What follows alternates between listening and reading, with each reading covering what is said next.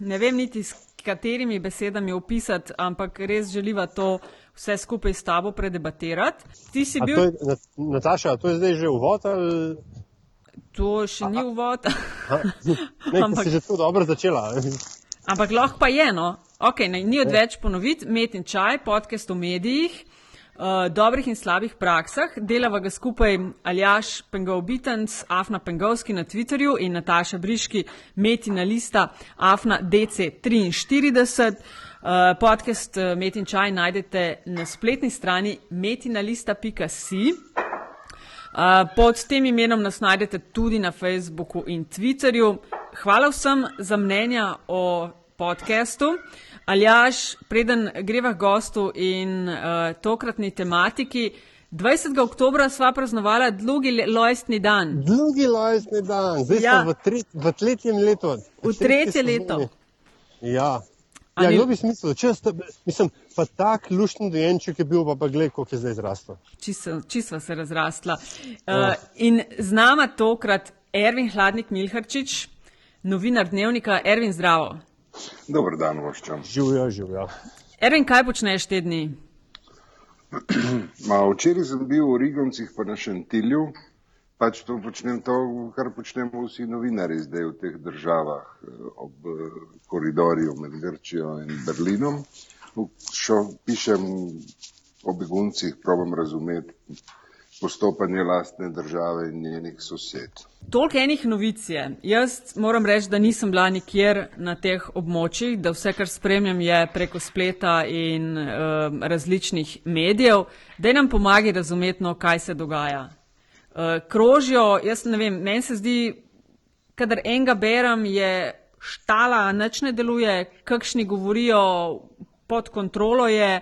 V Sloveniji je v zadnjih dneh, če gledam podatke, ki jih je delil delo, v zadnjih dneh vstopilo okrog 50 tisoč, nekaj manj beguncev. Ne? Kako ti gledaš, ne vem, kje prijet to zadevo? Kje se je lotiti? Ma, poglej, prvič, nismo mi prva država, ki se tega loteva, ne? nismo tudi zadnja. Ne? Takole, jaz rekel, da vsaka država, ki se sooči, sooči s prehodom beguncev iz Severne Afrike in Bližnjega vzhoda v Nemčijo, ima pred sabo dve možnosti. Lahko se odloči, da bo humanitarnim preokupacijam dala prednost pred varnostnimi, lahko se odloči, da bo varnostnim preokupacijam dala prednost pred eh, humanitarnimi. Zanimivo, da se je recimo Italija v enem trenutku, ko je bila pod hudim pritiskom, ne, dolgoletnim, ni trajal en teden ali pa dva dni, ko je bil omejen, se je odločila, da bo v humanitarni perspektivi dala prednost pred varnostjo. Ne? In če si pogledal, kako Italija opravlja svojo svojim begunskim poslanstvom v teh okoliščinah, je tako, da govorijo pač o humanitarnih vprašanjih, ne pa o varnostnih vprašanjih. Ne? Varnostno ja. vprašanje se rešuje sproti. Ne? Slovenija se je odločila nasprotno, da bo dala vse poudarek varnostnim vprašanjem in da bo begunce obravnavala Ja, ne ja, kot ja. humanitarno vprašanje, ampak kot varnostno. Ne? In zato se ne govori o drugem kot o varnosti. Svetko, takoj država se odloča, to je varnostno vprašanje, prebivalstvo se je začelo čutiti ogroženo ne? in pač no, razvil se je ta ciklus, ne? kot da smo v vojni. Nismo. Nismo. Jaz sem včeraj sem bil v Rigoncih, Rigoncih, to je pri Brežicah, spodaj v Brežju na meji s Hrvaško, kjer je policija v oklepih s čeladami, z vojsko, ki je bila tam z vojaškimi vozili, spremljala po 500 ljudi, od ene množice, ki je štela mogoče 2000, do opuščene tovarne Beti, ne, kjer so jih registrirali. Šli so 5 km od meje do opuščene tovarne peš, potem ko so celo noč, oziroma tako od 4 zjutraj do 10 zjutraj, ne, Ja. eh, preživeli na mrazu, vlagi, zuni, pod milim nebom. Ne. Kaj si tam videl? Videl si tako odlično organizirano policijo, odlično organizirano vojsko in nič drugega.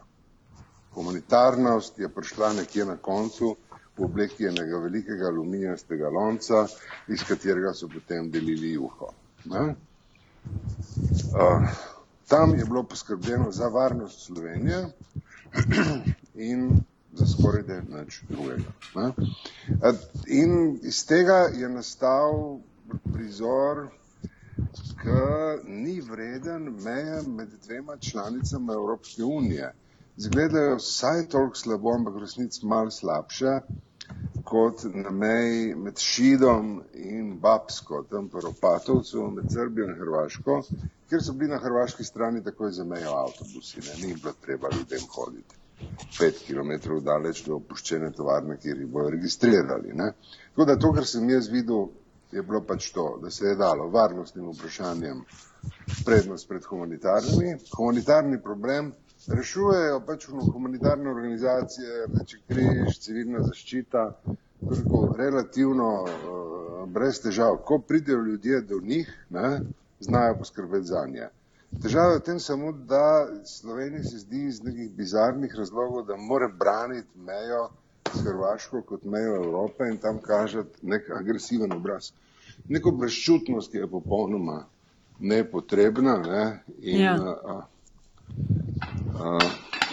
nikakor ni v skladu z našimi sanjami o razmerah v Evropi. Ne. Zdaj, čemu to pripisati, razlogov je veliko, ampak rezultat je ta. Izgleda slabo in ni simpatično, ne, vzbuja se pa obtuž, občutek neke strašne ogroženosti, kot da bo cela Evropa propadla, če mi ne bomo zdaj pokazali, da bomo pa tle, pri nas pa ne bo šlo tako enostavno, kot je šlo čez Grčijo, Makedonijo, Srbijo in Hrvaško in Mačarsko, kot dokler je šlo, pri nas bo pa to malo drugače. Dobro, Erwin, uh, tukaj se postavlja par vprašanj. No? Uh, um, eno o medijski prezentaciji tega, mislim, da bomo kar nekaj rekli. Ne? Ampak po drugi strani pa vendarle Slovenija ima od nekdaj ta sindrom biti bolj papeška od papeža. Bodi se to bolj avstro-ogrska od avstro-ogrske, bodi se bolj slovanska od Jugoslavije in zdaj bo bolj evropska od Evrope. Ne? Ker tisto, kar konč, končni fazi vse čas poslušamo, ne, zdaj naj bi Slovenija končno počela tisto v skladu z tem a, a, a, zelo glasnim dublinskim sporozumom, ne, oziroma kaj je to, akord, ki da je prva država, v katero begunci, imigranti, kako jim rečemo, pridajo, registrirala, morala te ljudi pač poregistrirati. Ne. In zdaj to Slovenija je pač, pač ugotovila, da je to pa zdaj ona, da smo to mi.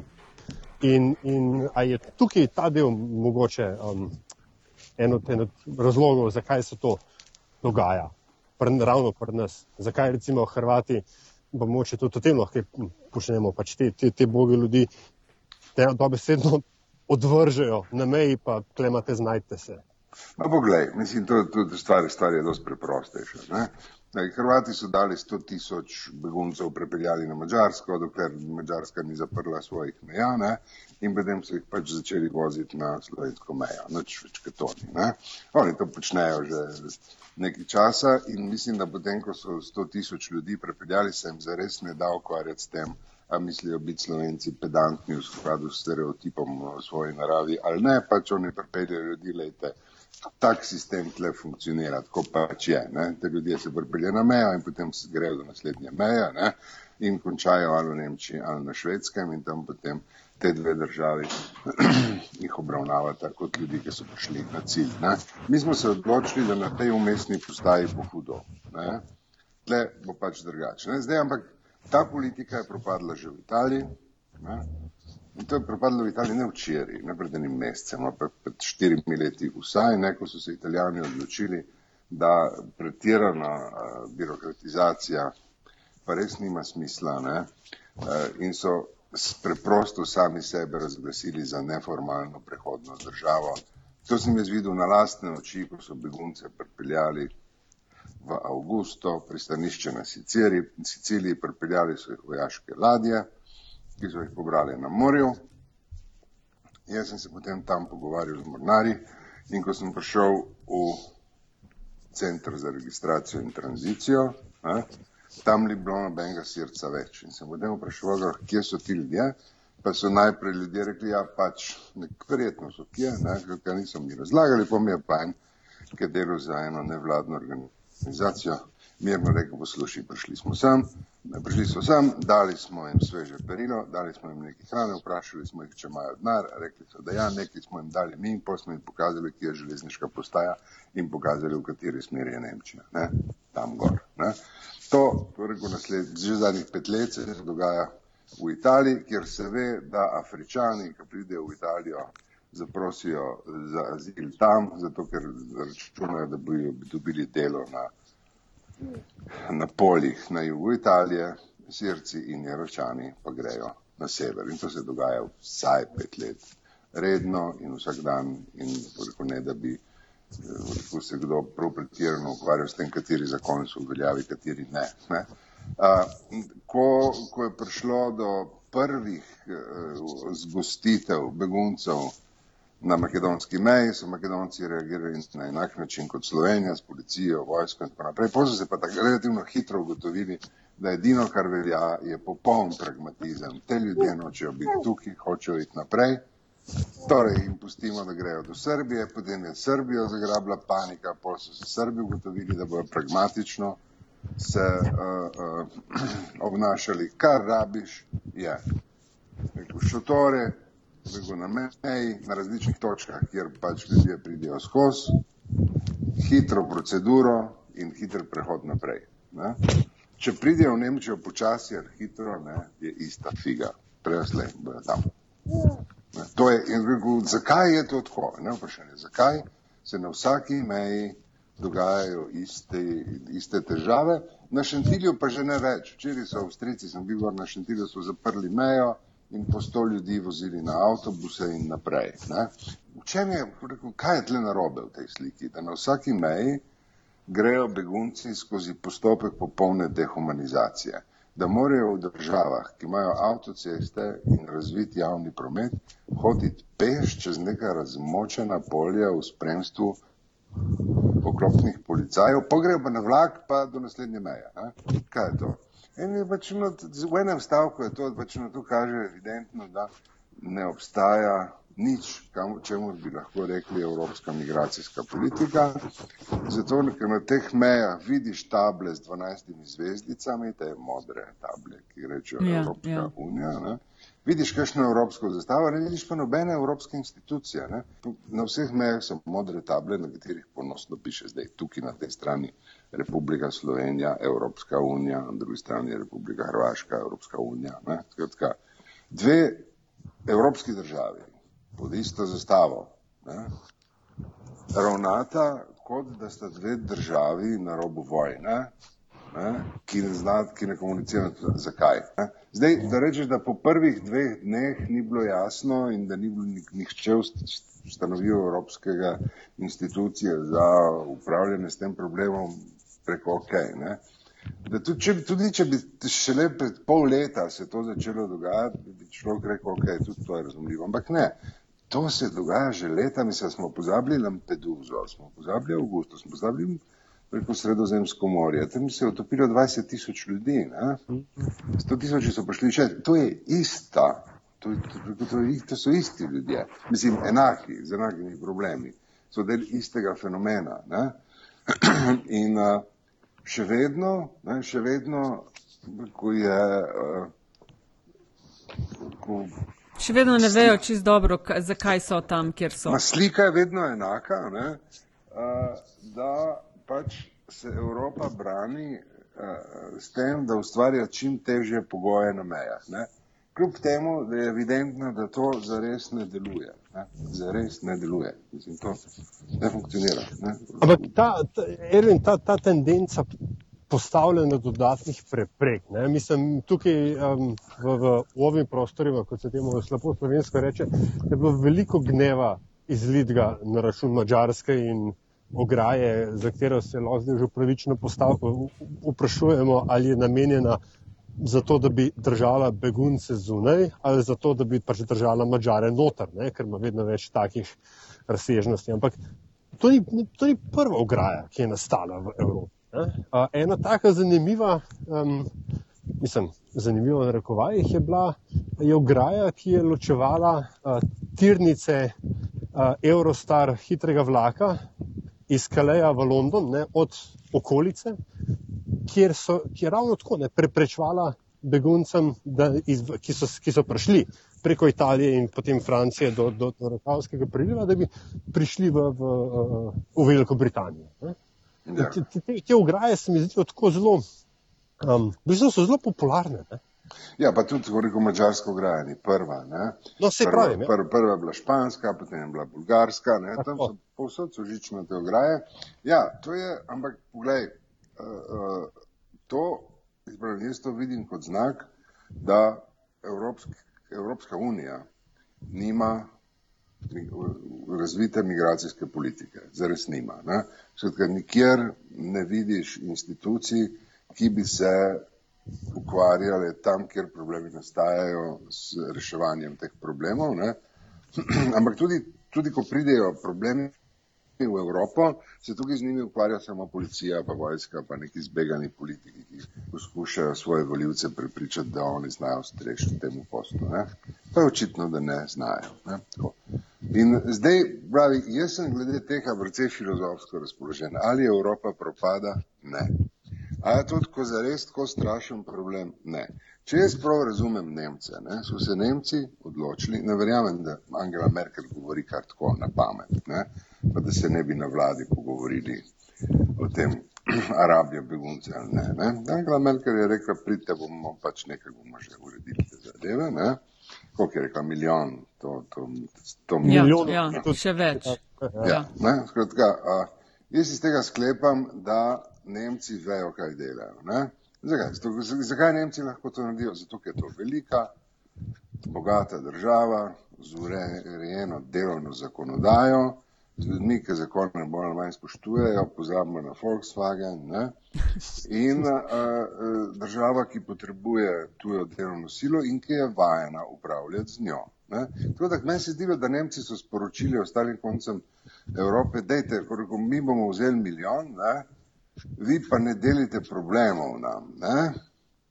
Ampak rekel, ostali so se odločili, da ne, da Nemci nekih silnih problemov okrog tega ne delijo, oni pa bojo. Ne? Uh, pa ni čest jasno, zakaj. Ko vsi Slovenija, lani, če jaz prav razumem, je 8 tisoč Slovencev odšlo z mladih ljudi z diplomami v žepu v Nemčijo delati. Ne? Vemo, rekel, zakaj so šli in kam so šli. In v Nemčiji so dobili delo, zato ker jih Nemci tam potrebujejo. Ne? In uh, rekel, z malo distance pogledaš to in rekel, imaš tako simpatično balkansko diskusijo o tem, ki se vedno začne uh, s tem vprašanjem, kdo je kriv za našo nesrečo. Ne? Najbližji sosed. Ne? In se pravi, ja, za begunsko krizo so krivi Hrvati. Ne? In ja, super, se dobro počutimo zaradi tega, ja, zato, ker vemo, da niso Hrvati. Ne? In, in pol smo zadovoljni, ne? krivi so Hrvati in pol skoraj da ni treba več kaj drugega narediti. Ne? Vse, kar se zgodi, za vse so krivi Hrvati. Ne? Zato, ker so nenapovedano pripeljali ljudi na mejo. Ne? In zdaj, a veš, je čisto, se mi zdi, da semantično ni najbolj uh, prav, če ti razumeš krizo kot neki, kjer se njeni štadiji napovedujejo. Ne, pol to ni kriza. Mislim, no, če rečeš, kje je kriza, je popolnoma nepredvidljiva in bo prišla pač na najbolj nepredvidljivi konci. Zato se je reče kriza ne? in zato pa rabiš krizni menedžment. Ne? To, da si, rekel, če rečeš, to je strašna kriza. Ne? In še nam Hrvati pripeljejo begunce nenapovedano na kraje, kjer nismo bez medija, kar nekam. Ne? Ja, temu se reče kriza. Ja, pol je pač kriza. Ja, okay. Ampak če bi se zmenili, da pripeljejo begunce tam na, na, na, na avtocesto ali pa z vlakom do Šentilja, ne bi pa pol pa krize ne bi bilo. Mislim, se samo dogovoriti bi se morali znali, ampak no, mi, ko rekel, bi rekel ponosni prebivalci Balkana, ne, No, ne, to je pod častjo, da bi ti sklenil dogovor, ki zahteva par kompromisov na vsaki strani, zato ker kompromis razumemo kot popoln poraz ne, vseh naših vrednot in načel in te litanije uh, našega premijeja, ki jo vedno znova potegne na plano. Ne? Pač, no, to je tako, zdaj, a veš, no, zdaj, cinično rečeno, ne, to nekako evropsko ne zgleda. Ne?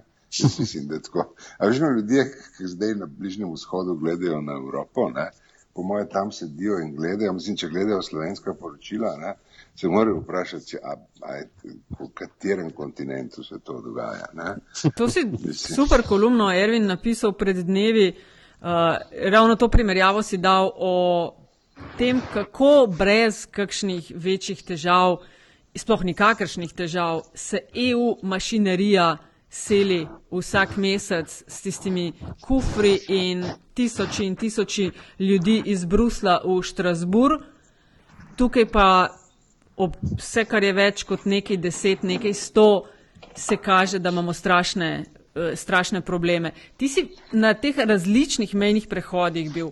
A je vse posod približno enaka zgodba ali so kje kakšne razlike? Ma, veš, kaj, takoj, ko ti prideš v Avstrijo, v Nikelsdorf, ne, postane to ena druga zgodba. Ne? To je, rekel, jaz nisem nek velik občudovalc tem, tevtoncev, ne? ampak ja, oni so se tega lotili popolnoma drugačno. Ne? Ampak na teh naših, na, kjer je pač ne vem, Slovenija, Hrvaška, tam je pa prehodov, brez. Na balkanskih mejnih prehodov je isti džumbus, ne? Ja. A si v Srbiji, na Hrvaškem, v Makedoniji ista figa, ne? Kakšno je pa tvoje mnenje, Ervin, glede teh povečanih pooblastil vojski? Ok, vemo, zdaj, kar si razlagaš, ne, odločili smo se za ta varnostni namesto za eh, bolj humanitaren eh, pogled in spoprijemanje s krizo. Kako to vidiš? Kako to razumem? Ja. Jaz razumem panično vlado, ki misli, ne, da ona z neko odločitvijo, pač nekim premešavanjem papirjev, kaj reši. Ne. Ti imaš 4000 policistov, če jaz prav razumem, ne, in mogoče 4-5 tisoč vojakov. Ne. Kakšna pooblastila jim daš, je vse eno. Ne? Vprašanje je, a jih rabiš in zakaj jih boš porabil. Ne? Če jaz razumem prav begunsko krizo, je to vprašanje za ministra za transport. Zato, ker to, s čemer imamo opravka, je transfer beguncev od ene državne meje do druge. Ne? In, ko regu, to se mi zdi, da je domena ministrstva za transport, ne pa notranjega in zunanjega ministrstva.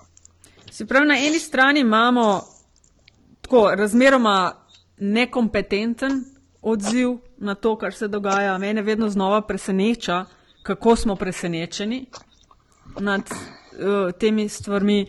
Um, ti nisi bil presenečen, ne? Jaz nimam iluzij, ne? A veš, ono tako, zdaj, zdaj še jaz nisem nostalgik, veš, ko ljudje, ki jočejo, ja, Jugoslavija je znala in, ne?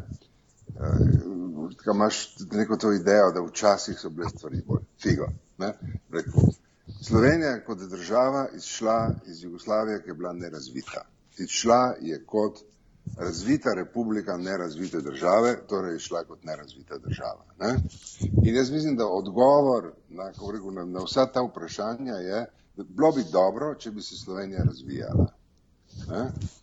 A, ker se mi zdi, da reakcija, ki jo je pokazala, je reakcija države v razvoju, nerazvite države. Ne? V razvitih državah ljudje ne stojijo celo noč na dežju, in mrazu in potem grejo peš pet kilometrov do opuščene tekstilne tovarne Beti, ne, tam nekje med Brežicami in Rigoncami. Ne. Mm -hmm. Ni tako svet narejen. Okay, ampak a to, a to pripisuješ ti, um, bom rekel, dajmo reči, nečemu, čemu bi mogoče lahko zelo površno rekel, slovenska mentaliteta, ali pač dejstvo, da je to recimo da obrnem malo ploščo, posledica vse te um, želje in gonje za novimi obrazi, ki se hočeš nočeš, ne, zdaj so v tej situaciji, učijo te obrti, bomo rekel, vladanja, spoprijemanja z begunsko krizo ali pa krizami nasploh, da se učijo sproti, ne, as they go.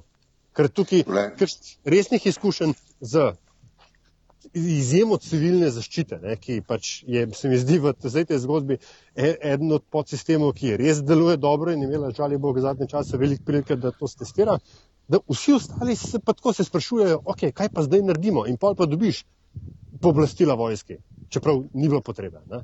Čeprav bi je to slabo. Veš, potem dobiš uh, ljudi, ki jih vržejo iz vlaka, pa zdaj pejte čez, čez reko v Slovenijo. Pa dobiš petkilometrske pohode proti centrom itd. itd. Ne, pazi, pooblastila vojske zgor je, je odločitev, ki ne vzbudi občutek, ne, da je vlada nekaj naredila. Pesa, to je narobe, to je narobe. Naredila ni nič, to so pooblastila isti vojski, ki stoji zdaj v Rigoncih ne, in na Šentilju ne, in si s pooblastili nima kaj pomagati. Tam stojijo vojaki z brzostrelkami, ki so narejene za streljanje v svetovni vojni. Ne. Ja. Pred begunci, ki pač samo hočejo iti v Avstrijo. Ne. In jim je samo treba pokazati, Avstrija je tam in bodo vsi šli tam, ni treba streljati na njih, ne, da bodo tja šli. Skratka, uh, jaz tle vidim, to so prizori, ki sem jih videl v nerazvitih državah tretjega sveta. Tam in prvo, kar, karkoli se zgodi, ne, je prvo, kar jim pade na pamet, ne, je to, da uh, bojo postavili na cesto najprej policiste, pa pa vojsko. Ne. Kar pa še bolj zabavno je, ne, da potem ugotoviš, da moraš odpovedati nogometno tekmo iz varnostnih razlogov, ne, zato da ti zmanjka policistov, da boš na nogometni tekmi ohranil red in mir. Ne. Zdaj bom tako rekel, le, pazi, jaz, jaz, mene ne skrbi za res za vso do Slovenije, jaz mislim, da se bo Slovenija spacala v vseh teh težav. Ne. Ampak če, uh, če mi vlada ali kdorkoli pač je o tem odločil, ne, uh, ukine nogometno tekmo ne, iz varnostnih razlogov, imam resne dvome, da zna poskrbeti za varnost države. Ne. Mm. Mislim, ker nogometne tekme se dogajajo vsak teden. Ne. In se mi zdi, da v večini nogometnih tekmov se stadion izpraznijo v 15 minutah. Ne. Uh, tako da tle, tle se mi zdi, da je ašno, da tako, pravim, ampak v štartu je bila na, na, napačna uh, postavka narejena. Razumel bi, če je, uh, če je bila nogometna tekma odpovedana zato, ker so na stadionu in v, v spremljevalnih objektih begunci, kjer rešujemo njihova humanitarna vprašanja. Ne? To bi razumel, to bi sprejel. Ja, okay. Ampak, rekel, če begunci so zunaj na travi, ne? Stadion je obrazen, pol ne vidim, zakaj je tekmo povedano. Ne? Varnostni razlogi se mi pa zdijo blef. No, toliko, kaj več. Dajmo reči kaj o, o, o medijski prezentaciji cele zgodbe. Zdaj, meni je tak ta prvi šok, oziroma da so stvari res resne. Ne, mi je postalo jasno, ko je Karmen Šregel poročala iz uh, srbsko-mađarske meje. Ne, takrat, takrat je bil to prvi resen, oziroma za nas nepoučenje prvi resen prikaz, da se je, um, da je bližnji vzhod res bližnji. Um, ampak slovenski mediji vopče se mi pa zdijo, pa bom zdaj um, vrten stopil iz moje klasične cinične vloge, da so k celi stvari pristopili zelo človeško, dosti bolj človeško kot kjer, mislim, k večini tem, ki, ki jih obravnavajo. Tudi v smislu ne samo poročanja, ampak tudi izobraževanja naroda, ki pa ima zelo, um, včasih zelo ksenofobne izzive.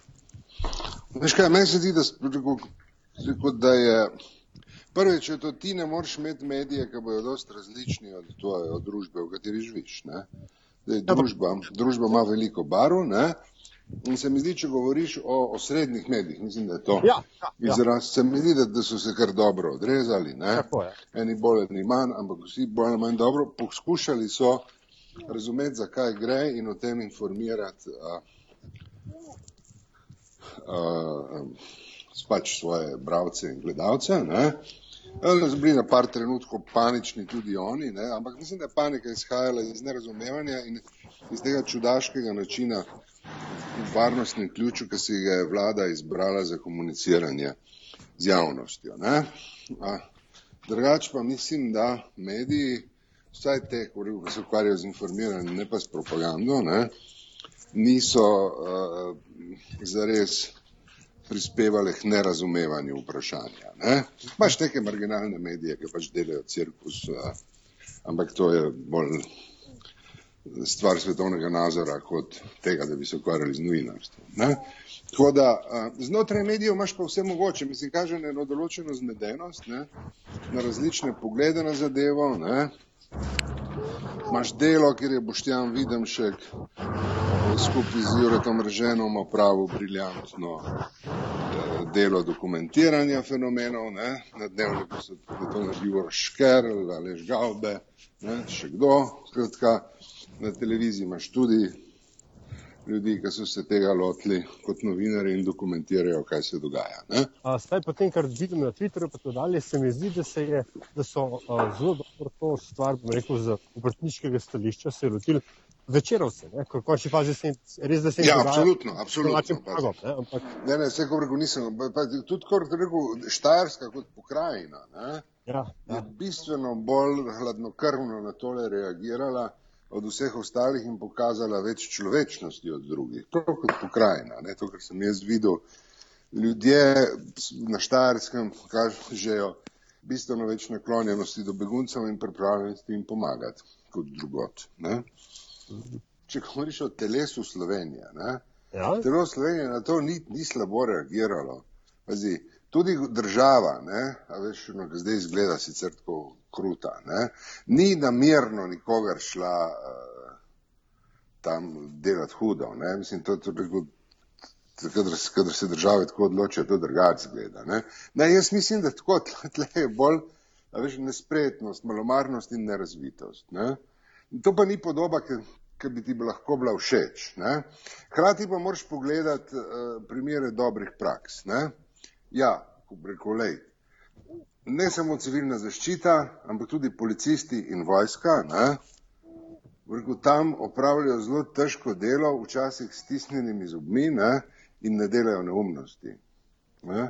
Kažejo sočutje in razumevanje in vejo, da ti ljudje niso več krivi, ki hodijo tam mimo. Ne? Pol ti povejo osebno, ki jih vprašaš, kaj o tem mislijo, ne? Da se njim zdi, da ja, ok, pač, no, da niso lih vsi tako tam z dobrimi razlogi, ne? Da, ampak v glavnem, jaz nisem videl nobenega policista, ki bi agresivno reagiral na, uh, na množice ljudi, s katerimi imajo opravka. Če kaj, a veš, no, se počutijo nekako sami tudi zapuščeni, tam nihče mu ne poskrbi za to, da bi oni bili siti in da bi jim bilo toplo in da bi bile druge elementarne njihove potrebe na nek način zadovoljene. Ne? Mm. Tukaj, ampak pravim ti, to je, podoba je boljša od tega, jasno, da zgleda pa strašno, ko vidiš policiste s čeladami in maskami in, in oklepi, ki imajo opravka z otroki, ki se vprašaš, ma zakaj vam je to treba, ne? Zato, si jim tako ukazali. Ampak bram ti, da, da kot ta, ta, ta imič, ne, rekel, podoba države je nekaj strašnega v oklepu s čelado, ne, nepotrebno. Ne? Plus se mi zdi, da to, a veš, no, Evropa ne bo prepadla zaradi tega milijona beguncev. Se to je o teh številkah, ki se govori, da daš to v 500 milijonsko Evropo EU ali pa 750 milijonsko celo Evropo. Ne? So je. te številke Ja. postanejo, mislim, je velik, ampak spet ne tokno. Ja, pa ne pa tudi pravim. oprosti- Oprostite, jaz če danes zjutraj, no, se pravi, ja, v petek zjutraj, berem tvite urednika enega od manjših portalov, ne, kjer pravi, to je konec Evropske unije, to Ja. je fertik, dio, mislim. Krasen, tako, ja. tako rekoč konec sveta se nam dogaja pred lastnimi vrati in mi se ukvarjamo s človeškimi vzodami drugih na mest sami sabo. Dajmo vzeti mero temu fenomenu. Ne? Kolikor jaz vem, čakaj pa pokorigirajte me vidva, bo verjetno bolj spremljata te reči, posebej ti, Nataša, ki si bila včasih športna novinarka. A, čeprav jaz razumem, iz Kranjske gore do Planice ne, vsako leto prepelje olimpijski, a, ko- planiški komite od 50 do 70 tisoč ljudi. Ne? No, vsak, to znam narediti. Ne? In tvrho vprašanje, ki bi ga jaz rad naslovil na vlado, a ste vi vprašali gospodo iz planiškega komiteja, kako se temu poslu streže? Ali ne? ne? Skratka, Drugo je pa če rekel, rad bi videl ministra za promet, da govori o transferju ljudi. ker tle gre za prevoz ljudi, za nič drugega ne gre. Mislim, a veš, ja, begunska kriza, konc sveta, ok, a veš, konc sveta je napovedan že par tisoč let, pa ga še ni bilo. Ne? Ampak, ne, a veš, no, a, ko, a kdor dela paniko, a je kdaj bil v Italiji? Mislim, sto tisoči so šli čez Italijo, po celem škornju gor. A je Italija propadla? Ne, ni. Ne? A je Nemčija propadla, koliko so se tam registrirali? Gre boljše, ker še nikoli ni šlo tako dobro. Ne? Lani so dali azil 200 tisoč ljudem. So imeli najvišji GDP v Evropi, če jaz prav razumem. Ne? Ervin, kdo bi tukaj mogel opraviti boljši posel? Ker je zelo očitno, da je velik nerazumevanja tega. Ne? A je to, bi mogla biti, ne vem, bolj proaktivna vlada in njeni organi in ta ministrstva, o katerih govoriš, ali so mediji premalo, mislim, ne vem. A veš, kaj toliko tolk se te teorije zarote, se tako hiter se, karkoli daš na splet na temo beguncev, se užge vojna pod objavami. Ja, vem, ja, pač, ja. Ampak dobro, še kaj, rekel, lej, ne zamirti, jaz na socialne medije ne dam. Ne, sej, pa ne socialne, pa še kakšne druge, ampak veš, Ja. kjer se ljudje pogovarjajo, če greš, ne vem, v štarijo, če greš zunaj, kjerkoli si, imaš takoj se začnejo deliti spet naši, vaši. Oni, ki bi jih vse pustili, eni, ki bi jih ograje gradili in tiranijo zganjali. A veš, se mi zdi, da je, da jih ni toliko malo, mislim, da, da, se, da niso tako zelo nedolžne te delitve. Ne? Aha, ok, ja, pač, ampak lej, razdvojenost slovenske družbe, ne, to ni neznan fenomen. Ne. A, a, pa begunci so pa zares lepa tema, ob kateri se lahko spričkaš. Ne. Moj občutek je, da ljudje, ki imajo z njimi zares opravka, ne, niso agresivni. Kdor je imel stik z begunci, po mojih izkušnjah, ni agresiven.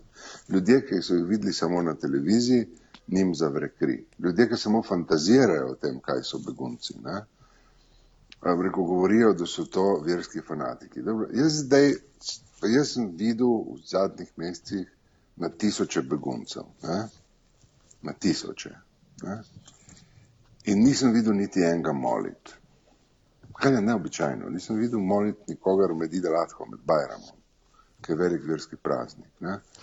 Tako, sklepam iz tega, da to niso neki zelo globoko verni ljudje, ki čutijo absolutno potrebo moliti petkrat na dan. Ne. Več zelo verni ljudje molijo zelo pogosto. Ne. Tako da tle bi rekel, da, da, da, da to lahko odmisliš. Ne. So to v glavnem mladi ljudje s svetlečimi očmi, ko rekel, ja, ki si želijo to, kar si hoče vsak mlad človek z svetlečimi očmi, ki ima neko izobrazbo v žepu, ne, da bi pač živel v skladu s tistimi ambicijami, ki jih je imel, ki je šel študirati. In ki je razočaran, zato ker pač njegovo okolje namesto tega mu je zmetalo bombe na glavo ne, in potem se mu, da se mu še Evropa in Amerika in zdaj še Rusija spomnili, da boste njegove probleme reševali z bombami. Ne. Glej, ne gre, ne? mislim, z bombami ne rešiš nič, tako kot z zatekanjem varnostni politiki, ne, ne rešiš drugega kot uh, ta ob, občutek, da, da si postavil stvari pod kontrolo, čeprav jih nisi. Kontrola pomeni urejen tok ljudi. Od točke A do točke B. Ne več, ne manj. Ne? Zdaj to, jaz tudi ne mislim, a veš, da gre Slovenija, kako bi rekel, da drvi v brezno. Ne?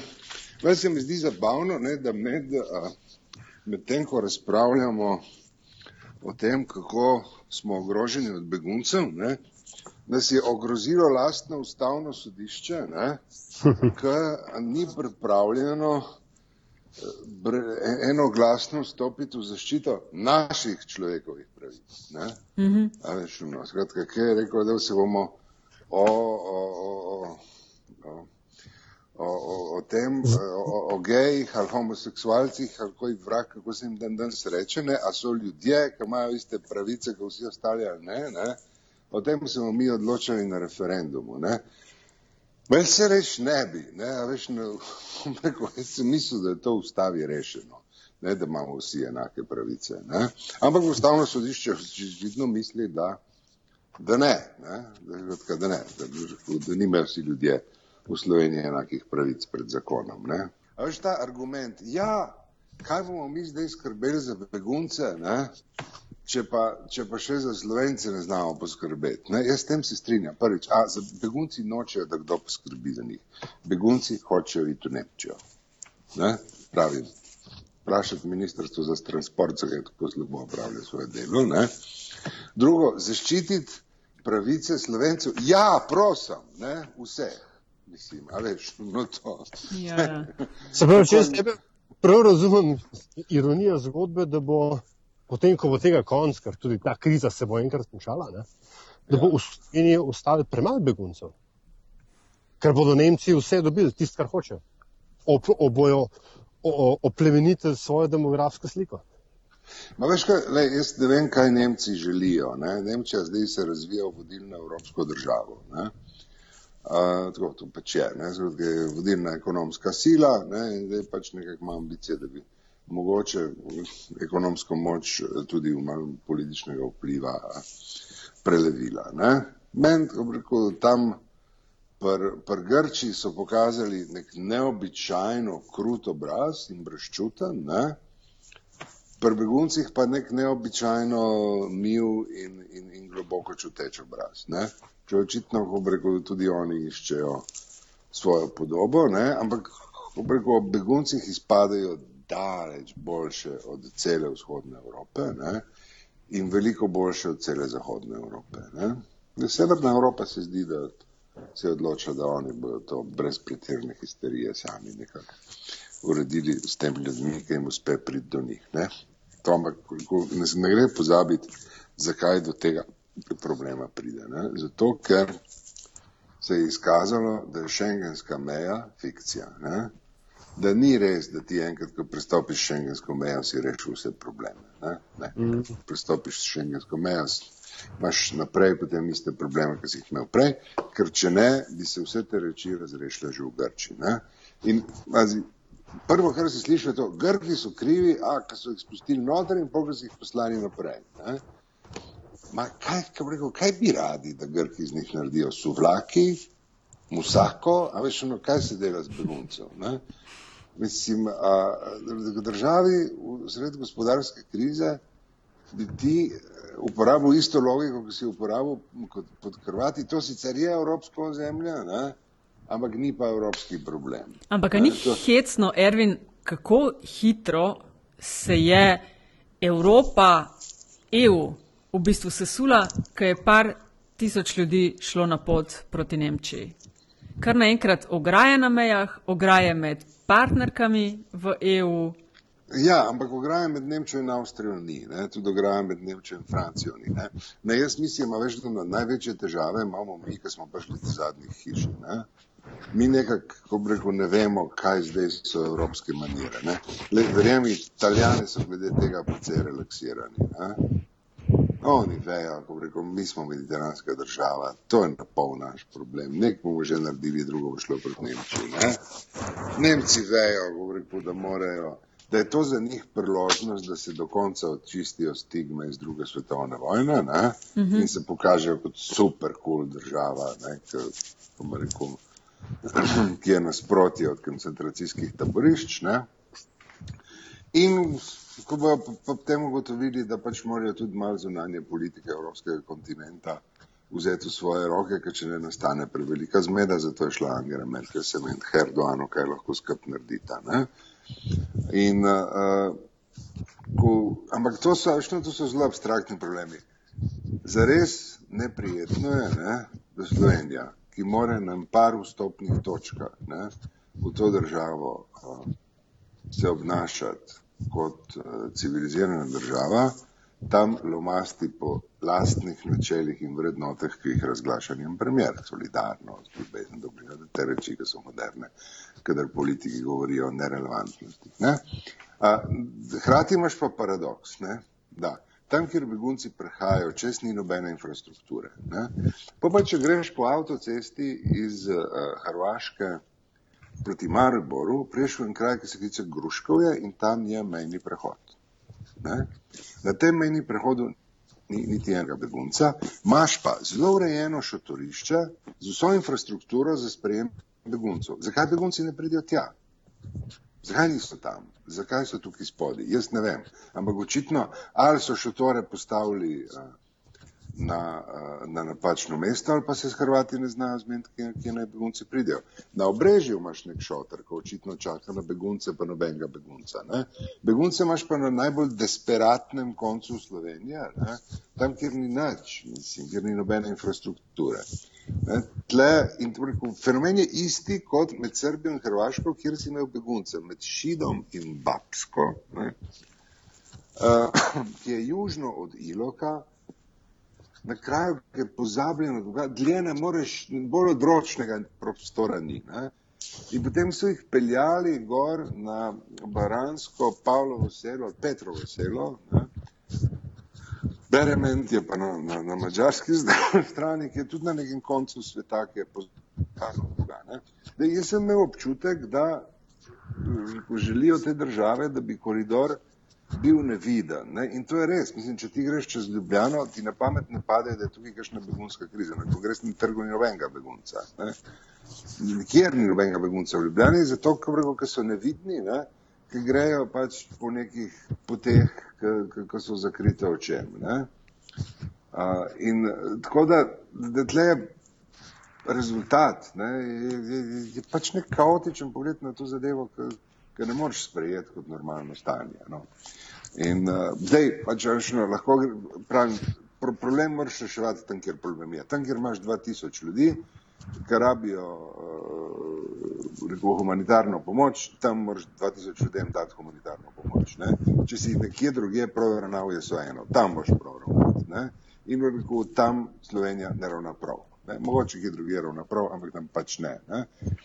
In, in, rekel, in če se prvih pet minut tako zgodi v redu, ampak če se tretji dan dogaja isto, potem pač moš to reči. To pa zdaj ne zveni več kot na ključje, ne? to zveni ali kot popolne inkompetence ali kot načrt. Ne?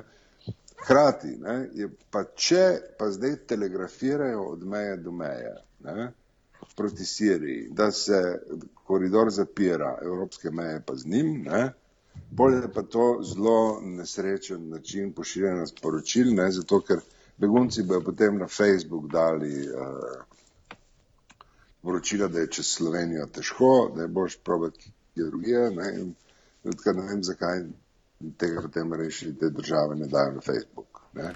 Veš, no, vsi uporabljajo Facebook, ne, begunci vsi imajo v rokah mobilne telefone, in grejo, ko imaš na Facebooku informacijo o tem, kje se gre, koliko časa se čaka, kdo je kje, koliko, ker imajo vzpostavljeno samo zaščito, ker očitno nima nihče posebnega veselja, da bi ščitil njih. Ne. Vsi ščitijo meje države in neke abstraktne reči, ne. njih pa puščajo relativno nezaščitene. Ne. Ervin, nekatere stranke izkoriščajo to, kar se dogaja, za brezsramno nabiranje političnih točk. Manipulirajo s posnetki in informacijami, ki jih objavljajo, kar na drugi strani izvablja tako najbolj primitivne možne odzive ljudi.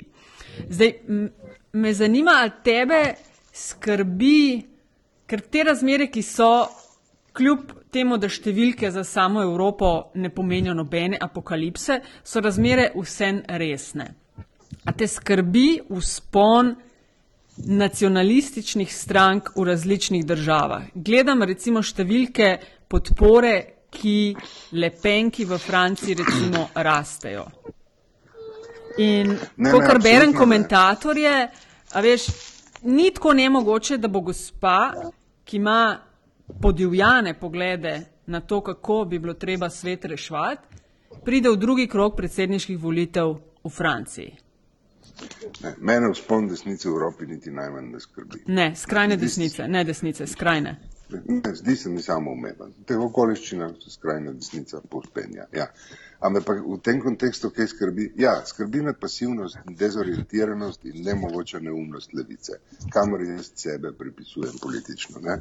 Mislim, nikoli me nihče, mislim tudi drugi.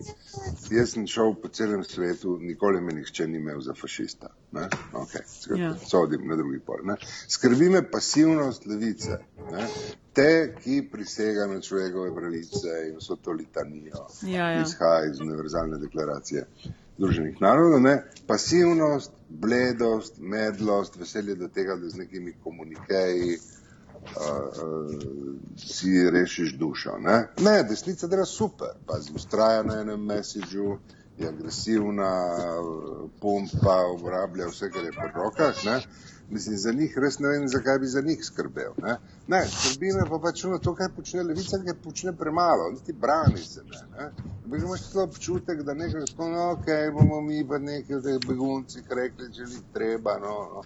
Ne, skratka, ne, oziroma, to pač, no, to je zdaj politični boj, ne, za to, a bo v, v, v Evropi zmagala tradicija eh, francoske revolucije, konca druge svetovne vojne, ali smo upravili z totalitarnimi norostmi ali ne. ne? In, ali, ali na drugi strani pač boš imel še en uspon maksimalne politične neumnosti in vulgarnosti, ne, s katerim boš potem moral pač se s njihovimi konsekvencami ukvarjati. Ja, ampak ne, pravim, jaz, jaz zares me skrbi na drugi strani. Ne, ne jaz ko vem, da desnica dela to, kar zna delati in da to dela dobro. Ne? Rekel, skrbi me pasivnost levice, ne, ne skrbi me vzpon Jean-Marie Le Pen. Skrbi me ta, ta, ta čudna rekel, neaktivnost Francoza Hollanda. To se mi pa zdi nenavadno. Ne? Ne, ne vidim, da bi levica tukaj skakala v zrak. Ne? Zdaj, kolikor jaz razumem, pa Angela Merkel ni leva političarka, ne? ampak sodi v kontekst Evrope, evropske desnice ne? in s težkim srcem priznam, da to, kar ona politično dela okrog beguncev, da mi je všeč. Ne, ne vidim pa tam nobene politike. Nemčija je postala država, ki je, ki je ukinila politiko, ne? ki uh, sploh ne. Uh, uh, ne politično interpretira tega, kar počne, ampak to interpretira zgolj skozi neke ključe, ki so uh, popolnoma uh, um, apolitični in, in medli tudi sami po sebi. Ne. Čeprav po drugi to... strani je to v prosti Ervin, ampak čist Mičken pa vendar ne, ne drži, oziroma rečemo drugače, če se je Nemčija uh, za politiko Angele Merkel ostala tukaj je, ker je pač gospa znana potem, da štirikrat premisli, predtem ne naredi nič, oziroma čaka, da se dogodki razvijajo. Je po drugi strani pa ravno zdaj, zadnje dni, ne, ona, Nemčija, sama postala uh, branitelj, uh, branilka ne, uh, ideje anti. Uh, Proti nacizma, s tem, ko je, ko je popravila, oziroma da reče, sprožila spor z Bibijem Netanjahovim in njegovo interpretacijo razloga za pregon in holokaust in, in tako dalje. Ne? Uh, ja, ja, ja, Nemčija je napredna država. Ja, da gre za stvari, uh, gre za še dosti bolj pozno. Veš, tle, pravim, jaz sem prej rekel, da, da, da mi je všeč. Ne? Mislim, Nemčija je velika, fantastična država, ki je naredila rekel, strahovit premik, glede na to, kako nizko je začela to, to, to, to zgodbo po letu 1945 to je uh, absolutno drži. Ne? In uh, je uh, vprašanje, je, zakaj Slovenija in vzhodnoevropske države ne zmorejo tega, ne? da bi se izvila iz te svoje bolečine ne? in občutka, da so one žrtve. Mislim, to se mi zdi, da da Slovenija počne, ne? nekak, da, da, da, da, da nekako zgleda, kot da, kot, kot, kot da smo mi žrtve tega fenomena. Pa, pa, pa nekako se meni zdi, da nismo. No. Tako zares ne. ne. Smo nekako pri koncu. Um... A veš, da se mi zdi, ne vem, mava vedno končujeva podcast Erwin z, s tem, da vprašava gosta po neki zanimivosti ne vem, se mi nekako zdi neokusno zdaj to vprašati. Tako da ne bom. Čeprav veš, kaj, ne, ni res. Mislim, da bi jo lahko imela, ampak bolj v smislu, Erwin, kaj bi mi, medici, tisti, ki ta podcast poslušajo, kakorkoli, kaj bi mi morali o tej begunski krizi pri nas, ki se, oziroma tej njeni iteraciji na slovensko-hrvaški meji, kaj bi mi morali zares vedeti, pa v bistvu ne vemo. Pa jaz mislim, da rekel, novinari. Ne?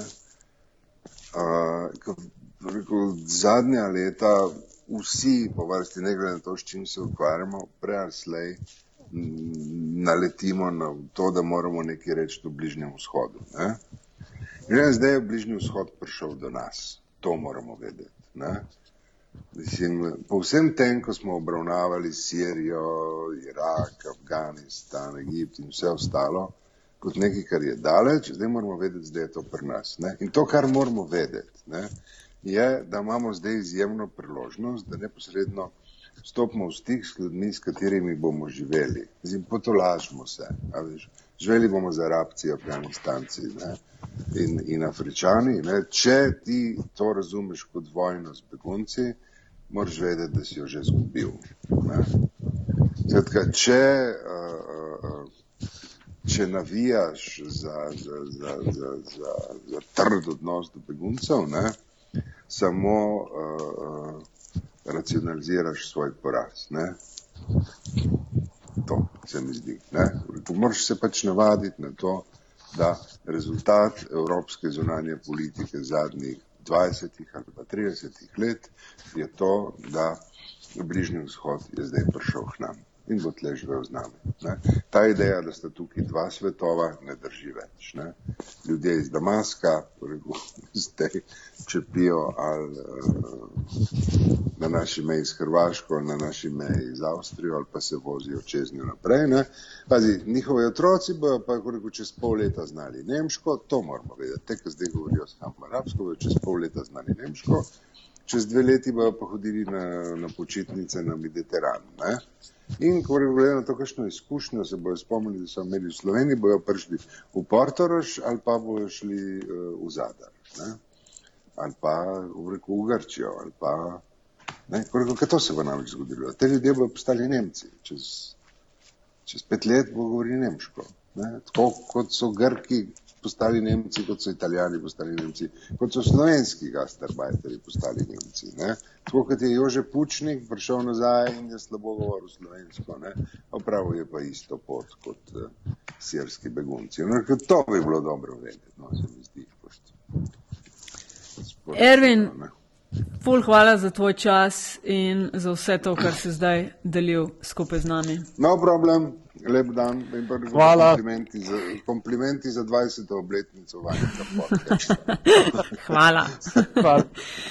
Torej, met in čaj, hvala vsem, ki nas poslušate. Če želite sporočiti kakšno mnenje, pohvalo, kritiko, dobrodošli na infoafnametinalista.si, eh, dobite na, nas na Facebooku na metinalista in Twitterju afnametinalista. Eh, nama z Aljažem pa se lahko oglasite na afna pengovski oziroma afna DC 43. Hvala. In ne pozabite, ne pozabite na ocene v iTunesih. In vsem ful hvala, ki nas finančno podpirate.